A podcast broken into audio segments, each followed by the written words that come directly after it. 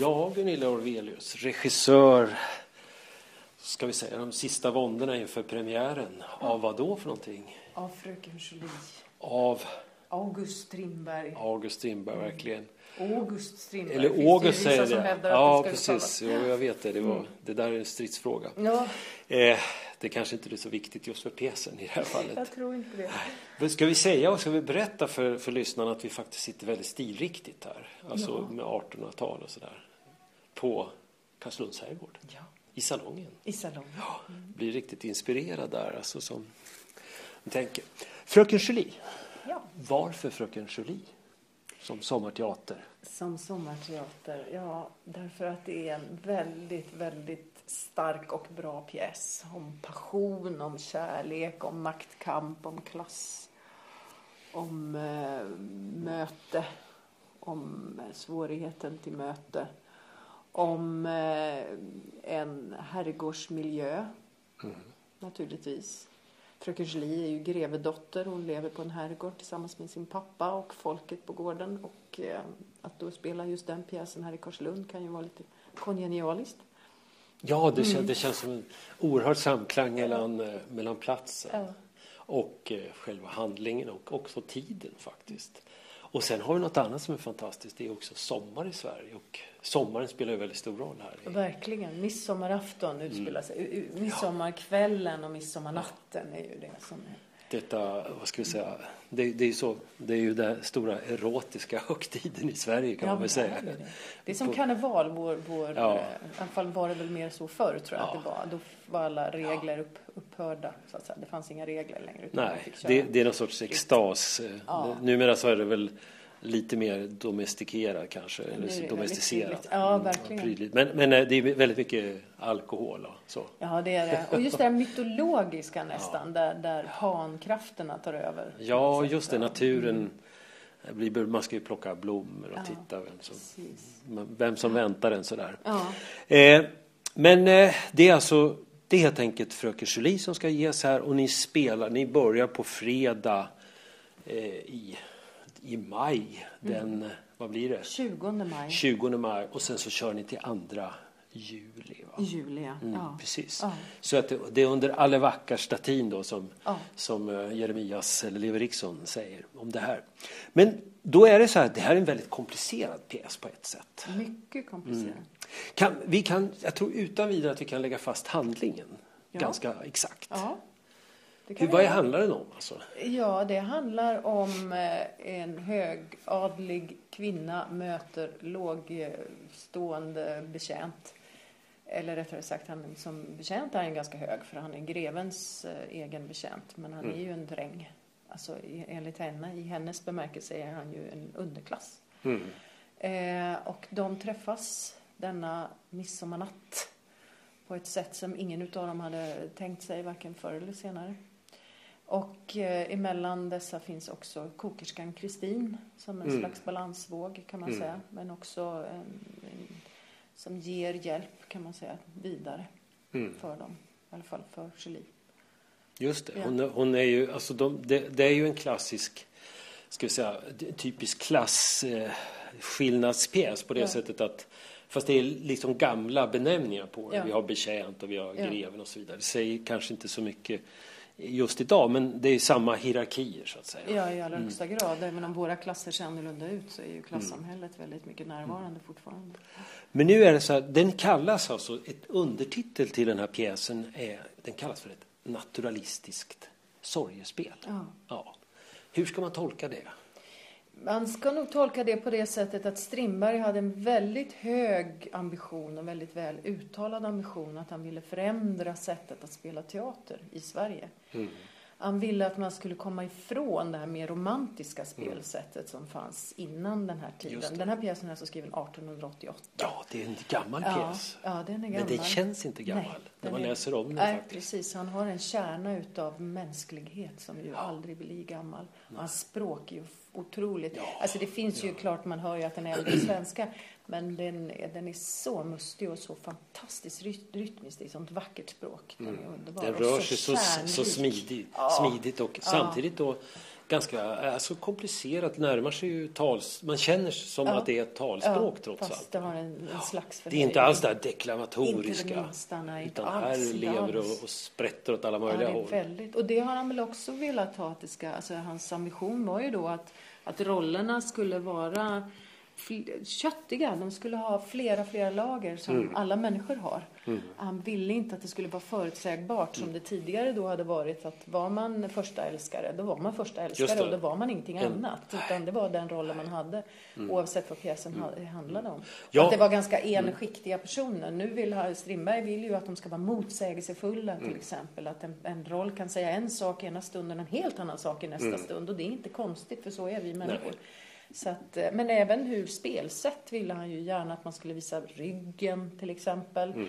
Och att det skulle vara riktigt, allting skulle vara riktigt omkring. Ja, han använder ett väldigt uh, underligt ord som har lite annat. Sannolikheter talar han om. Ja, att det ska vara sant alltså. Ja. Och då kommer vi in rätt osökt på det här naturalistiska. För det är ju liksom ett kodord i litteraturen.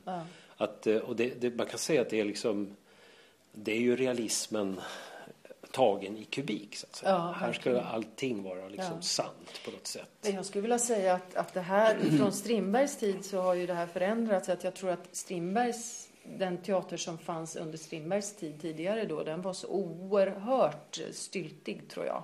Man, En skådespelare fick ju inte gå in med det ben som alltså var mot publiken utan man Nej. var tvungen att gå in med det ben som öppnade upp kroppen. Alltså alla, det var små, små, små koder hela tiden. Så att de spelade ju som lite som pappersfigurer tror jag. Väldigt tvådimensionellt. Ehm, så att jag tror att det var en väldig skillnad då att Ja. en sån här pjäs skrevs. Ja, den var ju- Nu är vi ju så vana vid det. Nu har vi ju väldigt mycket. Men jag skulle vilja säga att teater har ju nu att konkurrera när vi talar naturalism så, kan ju, så har ju filmen tagit över Ja. ordet naturalism.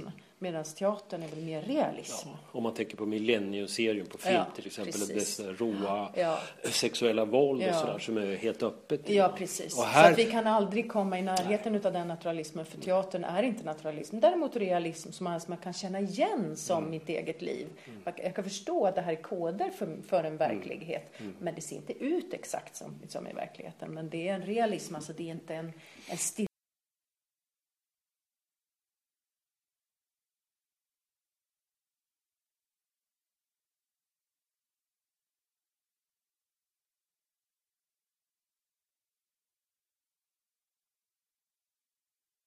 väldigt kontroversiell. Ja, och den har också censurerats vet jag när det Ja. gäller vissa stycken Ja. då, som förmodligen mer sexuellt uttalade och så vidare.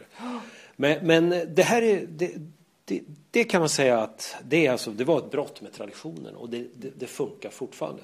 Det är intressant det du säger med karaktärer. Alltså för vad är, om man skulle skildra de här karaktärerna, om vi tar då Kristin, eller, om vi börjar med Fröken Julie då, huvudpersonen, som spelas av Malin Berg för övrigt. Hur, hur, hur, ser, hur ser hon ut alltså? Hur, hur beter hon sig på, i, i livet? Alltså hon beter sig ju på ett sätt som hon inte bör göra enligt de regler och den kutym som finns Mm. då runt henne. Hon, den första replik som sägs i pjäsen det är Jean som kommer ner i köket till kokerskan Kristin och säger ikväll är fröken Julie galen igen, komplett galen. Mm, det är själva temat Ja. som slås an direkt Ja, där det precis. är tydligt. Ja, så att hon är ju en kvinna som alltså mm, hon gör det hon inte får. Hon bryter regler, hon bryter konvenans. Eh, och i det här fallet så väljer hon också, denna midsommarafton väljer ju fröken Julie att stanna kvar på gården för att fira midsommar med folket istället för att åka med far sin bort till släktingar. Eh, och bara det är ju ett brott. Och att hon går ner på logen och dansar med folket. Och att hon inte bara gör det som att hon står vid sidan och tittar på utan hon ger sig in i dansen. hon är aktiv, och hon bjuder upp männen själv. på Först, ett sätt först som... skogsvaktaren Ja, och sen Jean. då, Precis, så som kommer. springer de på Jean då när han kommer in. Ja. Så att hon beter sig på ett sätt som hon inte får. Hon folk- bryter egentligen mot två koder. Först alltså det grevliga, alltså aristokratiska. Hon är ju en aristokrat. Eh, Och sen också mot genus, genuskoder. Ja, helt klart. Så, Verkligen. så att det är liksom, fortfarande så finns den här, och jag tror att är inte det ett, ett, ett av valen man måste göra när man sätter upp en sån här pjäs? Hur mycket, hur mycket det ska liksom svänga åt de olika hållen? Ja, Eller? ja, det är det verkligen. Ja, det är det. Och varför Mm. hon, hon beter sig som hon gör. Är det just den här midsommarafton? Hon har för två veckor sedan så bröts förlovning, hennes förlovning med Kronofogden.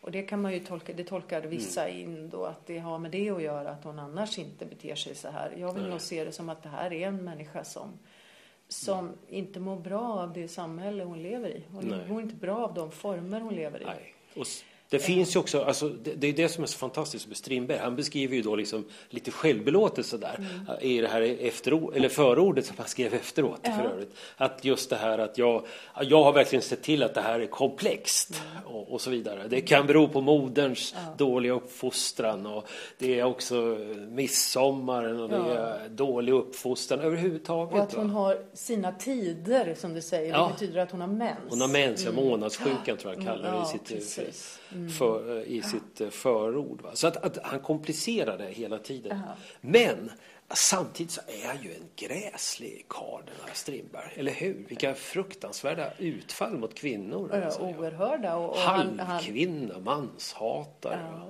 och han låter ju Jean få väldigt mång ord. Och, Julie har inte alls så många som Jean, det måste jag säga. Nej. Alltså, Jean får ju bre ut sig och han får kasta sig över Mm. fröken Julie verbalt flera gånger på ett sätt som hon inte riktigt får matcha kan jag säga. Hon har en bra dräpa i slutet men, det, men ändå så att det är ju väldigt tydligt vem som Strindberg eh, så att säga mest identifierar sig med och det är ju, det är ju absolut man Ja, och sen är det frågor också eh, som åskådare, alltså hur man tittar på hur man sympatiserar med de här Mm. gestalterna. va?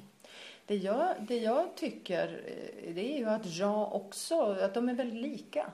Mm. De har många, många likheter och det är kanske därför också de möts denna midsommarnatt. När alla Mm. regler upp, upphör under midsommarnatten. Mm. Då blir det möjligt för dem att mötas utan regler.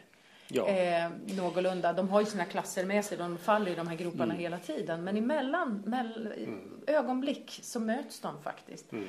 Eh, och det är ju att de är lika. De är båda två människor som inte passar in i systemet. Nej. Som har andra begåvningar. Mm. Och där det här hierarkiska, patriarkala, enormt patriarkala strukturen faktiskt dödar människor. Det dödar Mm. oavsett kön. Det dödar kvinnor som män. Det finns en sorts tragisk ironi i den här. För att när man, te, när man ser på de här två gestalterna, om vi åt, återgår sen till Jean, va, så, så är det faktiskt att de, man anar att de skulle kunna nå varandra om inte allting stod i vägen. Precis. För fröken Julie säger ju att nu går vi in, vi är människor, nu, nu är vi fria. Ja, Nu ska ja. vi bete oss som människor och njuta och Ja. vara glada. Och, och det här, alltså erotiken då i hans drängkammare är ju liksom ett, har de ju skapat en sorts fristad för sig själva. exakt. Vil- Vilket har hög kostnad i sig. Ja, visst har det det. Men om vi fortsätter med Chang då, hur ska Mm. man eh, diskutera honom tycker du? Hur ska man definiera Chang i det här fallet? Alltså, jag, för mig är Jean en väldigt otroligt begåvad människa. Jag tror att han skulle bli en lysande skådespelare till exempel. Han, Mm. han, han är en person som kan gå in i alla olika slags miljöer. Mm. Eh, men han har inte riktigt råg i ryggen. Han kan inte genomföra det han drömmer Nej. om. Han har hög, stora, fantastiska drömmar. Men han kan aldrig genomföra Mm. dem för de är luftslott. Och han, han är också alldeles för indragen i hierarkin. Han är alldeles för fascinerad utav, Ja. utav greven, utav adelskapet, utav hela Han hatar och, och eh, strävar dit Ja. samtidigt på något Ja, sätt. och han det- föraktar folket. Ja. Mm. Han säger själv att han är aristokrat därför att han, han avskyr folket. Han har ingen hög... Men samtidigt är han en del av folket Mm. och han kommer aldrig... Han vet själv att drängen sitter i ryggen på honom. Så han är Ja, en det- väldigt tudelad Ja, person. Som, det, är så, som, det är så tydligt där när, när det här talröret, eh, Ja. greven ta, kommer tillbaka då från Ja. och mot slutet då och liksom talar i, i talröret. Då Ja. far han upp liksom nästan i enskild Då säger han ställning. att han far ihop som en skygg häst, Ja, och sen Ja. har han drängen i ryggen Ja, så att säga. Han bockar precis. automatiskt. Ja. Och och det, alltså han är ju, det är en begåvad kille men han är ju första generation då från statar. Ja, De här jordbruksarbetarna som ju, alltså kan man säga var en sorts livegenskap. Ja, i allra högsta grad. Allra högsta grad, ja. i, i de Sverige. ju ingenting Nej, och de fick ju inte flytta när Nej. som helst och så vidare. Så att eh, han, han har ju hela, han är ju stämplad så att säga i den tiden. stämplad. Och det, är- det är intressant det där. Jag vet inte om du har gjort den tanken, för han är ju lite sådär också förförisk. Han berättar Mm. ju gärna en liten saga där om hur han har älskat henne på avstånd Mm. sådär. För sånt gillar kvinnor, tycker han. Eller tror Ulf Lindberg i alla fall. Och, och han, han har fina manér, han ska ha uppvärmt gl- Ja, uppvärmd visst. tallrik Han är en dandy. Han är en dandy. Och han har samtidigt pratat franska. Han, han kan lite Jajamän. vin. Han har jobbat som sommelier utomlands. Säger han i alla fall. Ja. Man vet aldrig hur mycket han Nej, nej, det kan när det är sant. Nej, precis. Det verkar ju väldigt... Men, men det är just det där, han bygger upp en bild av sig själv. va. Och samtidigt så är ju Strindberg väldigt tydlig så han säger liksom, ah, det är ju en dräng, alltså, han har en rå livskänsla under, skriver han, i, under den fina maneren. va. Och det, det, det, det blir, jag tycker det är ironiskt där, därför att på något sätt så känns det här som att han träffar det här urgamla. Eh, som man säger så här, när, Eva när Adam grävde och Eva spann, vem var då gentleman? De här fina alltså, sederna som man lär sig och så vidare. Är de äkta hos vissa människor och oäkta hos andra? Som uppkomlingen Jean då? Är det liksom mer artificiellt hos honom än hos, hos eh, fröken Julie? Alltså skillnaden kan väl vara att Jean har flera språk kanske Ja. i det fallet. Han har en dubbelsyn. Va? Ja. Och det avslöjar han väldigt ofta också sen när det, det är ju rätt roligt det där, alltså alternativet när de liksom har, vad ska vi säga, tagit ett steg som man inte kan göra då. Ja. Det är ju då att fly. Ja. Och då talar man ju just om Comosjön och man ska dra söder och starta hotellrörelse och sådär. Precis. Och han inser då att hon har inga pengar. Va? Nej, han förstår ju det Ja. tyvärr. Eh, inser han ju att han kanske... Att, Han har ju kärleken, inte tänkt på liksom. Han Kärlek- tror att alla rika är rika. Men så Ja, ja precis. Ja. Han har dragit en felaktig slutsats. Ja? För det visar ju sig att det är det som är fantastiskt med den här pjäsen. Trots att den är ganska kort så, så om man läser den väldigt noga så ser man också vad som har hänt. Att, eh, att uh, Julies mamma har ju blivit solvårad helt enkelt. Hon har ju lånat ut pengar till någon eh, Ja, sina älskare och han har ju bara behållit pengarna. Och, och greven kan ju liksom inte ta tillbaka det från hennes älskare. Eh, så att eh, där kommer man ner. Sen har vi ytterligare en person då, Kristin. Ja. Och hur, hur ska man karaktärisera henne då? Kristin är i vår version, i min läsning, en väldigt, väldigt klok kvinna. Ja. Som inte har um, egentligen någon längtan till något annat än det hon har. Hon trivs väldigt väl med, med det hon, det, den position hon har. Hon är en väldigt duktig kokerska. Hon vet om det och hon vet sin plats. Det säger Mm. hon ju själv. Hon sänker sig inte under sitt stånd och hon går inte över sitt stånd utan hon håller sig där hon är. Men samtidigt så är det också en kvinna som har en väldigt stark kristen tro som ger henne Mm. ett, ett väldigt stadigt golv att stå på. Och det är det hon också kan förmedla till Julie. Hon försöker förmedla detta till Julie. Mm. Och där kan man ibland, ta, eller ofta ser man en tolkning utav Kristin att hon är väldigt svart och att, är, att hon är avundsjuk, att hon är svartsjuk Mm. och att hon, att hon straffar Julie väldigt i slutet för att hon då ska ha haft ihop det med, med Jean eftersom Kristin och Jean faktiskt är, egentligen är förlovade Ja. och ska gifta sig. Ja, någon, fast det är Ja. intressant där för att det liksom framgår inte klart. Man kallar det Man att vara kallar det så, så att Kristin är nog lite osäker på vad de Ja. egentligen har och vad de Jo, inte har. och han säger ju också där, Ja. men du har ju inte haft någon eh, skada av att, Man- att, du, att du kallar att Man de kallar mig din fästman. Nej, Precis, en ja. riktigt fin Visst. karl som Ja. jag så Ja, hör ju precis. din status. Eh, och Strindberg är ju fullständigt rabiat när det gäller Kristin. Alltså. Han, han avrättar ju henne i förordet där. Alltså, han talar om liksom Ja, men- kvinnoslaven. Men man ska inte läsa det där förordet. Nej, nej, men jag tycker det är kul alltså, att se. att- Alltså, man kan säga så här, det är nästan som med, med eh, eh, vad heter alltså vissa te- teaterteorier. Att som tur var så skrev han det efteråt. Va? Ja, Därför att alltså, det är så intressant här. Det är så, han, han, han har ju vä- väl, väldigt massa teoretiska Ja. resonemang som han inte alls genomför i pjäsen. Nej, nej, inte alls. Och det där tycker jag Strindberg ofta har, att när han skriver sina Ja. dramer eller sina romaner, då har han någon enorm kontakt med det kollektiva och undermedvetna. Då skriver han bara direkt. Jag menar, Fröken Julie skrev han på 14 dagar. Ehm, så att han har någon direkt kontakt bara till ett flöde. Och sen sätter han igång och funderar. Och då blir Ja. han duktig och då ska han, bli, då ska han Jo. eh, hota etablissemanget. Och han, ska bli, han får ambitioner runt sig själv som person och sina egna idéer Ja, ja. på ett sätt som Jo. Som är Ja. faktiskt där han förminskar dramat något enormt. Men framhäver ju naturligtvis sig själv då. Ja, det, alltså, han, han intellektualiserar ju hela... hela Oerhört. Och- Och, moraliserar. Ja, och moraliserar. Just här, jättehårt. Kristin får ju sig en riktig omgång. Ja. Alltså, fullpackad präglad av moral och Ja, religion. precis. Och den här och så. svart, han har verkligen den bilden där utav den svarta Kristin. Ja, Och jag alltså vill ju se henne på- slavnatur ja, kallar ja, också den moral, alltså den här väldigt kalla, knutna, ka, Jo, jo. o- känslokalla personen. Det finns inget gott att säga om Som Kristin. bara har maktlystnad från ett annat håll så att Ja. säga. Ja. Men jag, vi, jag ser ju henne på ett helt annat sätt. Ja. Att i våran läsning så har hon en fundamental viktig roll Mm. i det att hon faktiskt ger Julie en möjlighet till att komma loss, att komma ur. Mm. Ehm, så att eh, där är hon jätte, jätteviktig. Ja, Mm. hon vet sin plats men hon, hon är också väldigt tolerant på något sätt tycker jag. när man läser texten. det. Ja, hon är verkligen det. Alltså, och, och som du säger också, hon, hon har en jordnära kunskap och dessutom så är det liksom det här med Chang, det är ju liksom ett resonemangsparti förmodligen. Hon, Ja. hon är ju i 30-årsåldern Ja, sådär, hon måste precis. liksom Ja. se om sitt hus Och i våran version är hon ju äldre. Ja, precis, men det spelar ingen roll för vi har det... lyft bort alla Ja, åldrar. Så just. Mm. Men, det, men, men visst är det så att Strindberg skrivit henne som 35. Ja, och att hon... Strindberg skriver på ett ställe väl bibehållen. Skriver just han om en 35-åring.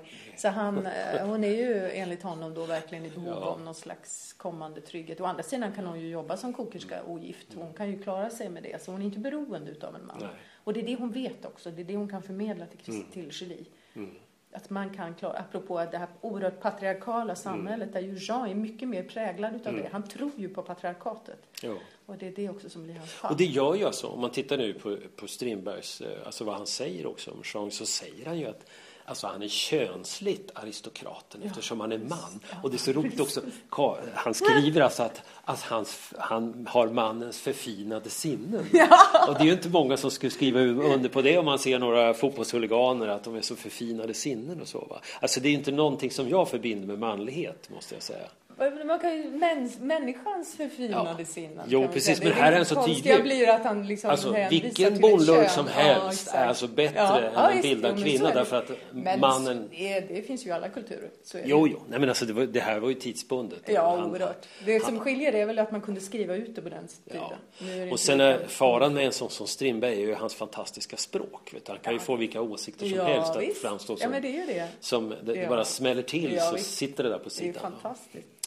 Men eh, om man eh, nu drar vidare så är det ju faktiskt en, ett sorgespel och jag vet att Ja. den benämningen använder man tydligen i tyskan för, för just eh, borgerliga dramer som slutade sorgligt. Mm, Va? Och jag tror inte vi ska gå in för mycket på slutet ändå men där finns ju också, det kommer ju in lite tidstypiska grejer, det här med suggestion och så. Mm.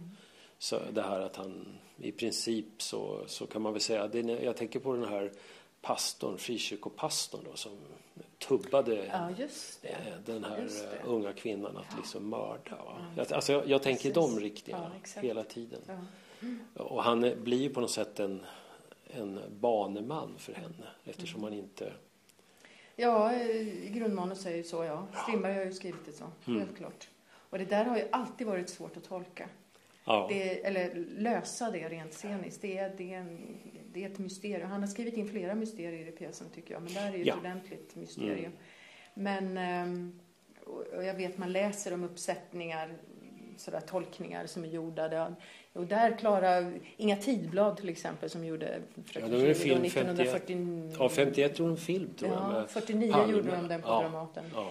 Och In- Inga Tidblad gjorde då Fröken Julie. Och det sades att hon var, skrivs då att hon var väldigt, väldigt bra. Men hon klarade inte av det här med sublutionen. Det, det löste hon inte. Liksom. Så det, det står uttalat Mm. i tolkningen. Om man läser, går in och läser de gamla uppsättningar. Mm. Så har de tagit med det här. För det här är en svår, det är en svår knut. Ja, men det är alltså vad jag förstår så är det ju en, alltså en blinkning till tidens, eh, Ja, eh, Ja, tidens jag. vetenskap. Ja. För, eh, han var ju intresserad av de här frågorna, Ja. ja, suggestion och Ja, sådana var saker. det. Och det låg, precis som du Det säger, lo- ligger i tiden. Så här har han, lite grann känns det som en, en sån här, vad ska vi kalla för, Deus ex machina. Ja, det är ju alltså, det. Direkt. Det är väl för att lösa det Ja. slut han vill ha Ja, precis. också, tror jag. Han Ja. måste hitta någon, han måste göra det på något sätt Han, han, är logiskt. klipsk, han, gör, han är klipsk där. Alltså, här, här fixar vi. Men, men eh, det, då, sen är det ju som en sån här pjäs släpper man ju inte heller sen. Mm. Utan man går ju och funderar på den. Och framförallt så är det väl de här de här olika temata som finns alltså, i den. Som verkligen. är. Och sen har du alltså, om man tittar, man kallar det, det är ju en naturalistisk pjäs, men den pekar ju vidare mot hans senare dramatik också. Mm. Det finns ju flera symboler till exempel. Du, du talar om mystik, det här med grönsiskan också Mm. som är, är central då när han hugger, Ja, hugger huvudet hu, av hennes grönsiska för hon, hon ska ju fly då. Man kan inte bagage om man flyr. Nej, precis. Men så är det. Eh, vad är det du tycker bäst om i den här då? Vad, vad, är det någonting som du liksom känt att det här liksom, oj. Ja, alltså det är nog det är nog en kombination i och för sig av olika saker. Men bland annat är det ju det att, att det här är en, ett stycke som inte finns någon botten i. Man kan gräva hur länge som helst och man kommer alltid hitta nya saker att jobba med. Man blir aldrig klar med en sån här pjäs. Perfekt slut. Där har du slutfallet, eller hur? Tack så mycket Tack så Gunilla mycket. och lycka till nu. Och framförallt, jag tänker inte bara dramatiskt utan också på den stora dramaturgen här, vädret. Vädret. Vi hoppas på perfekt väder och mycket folk. Ja. Det är det värt.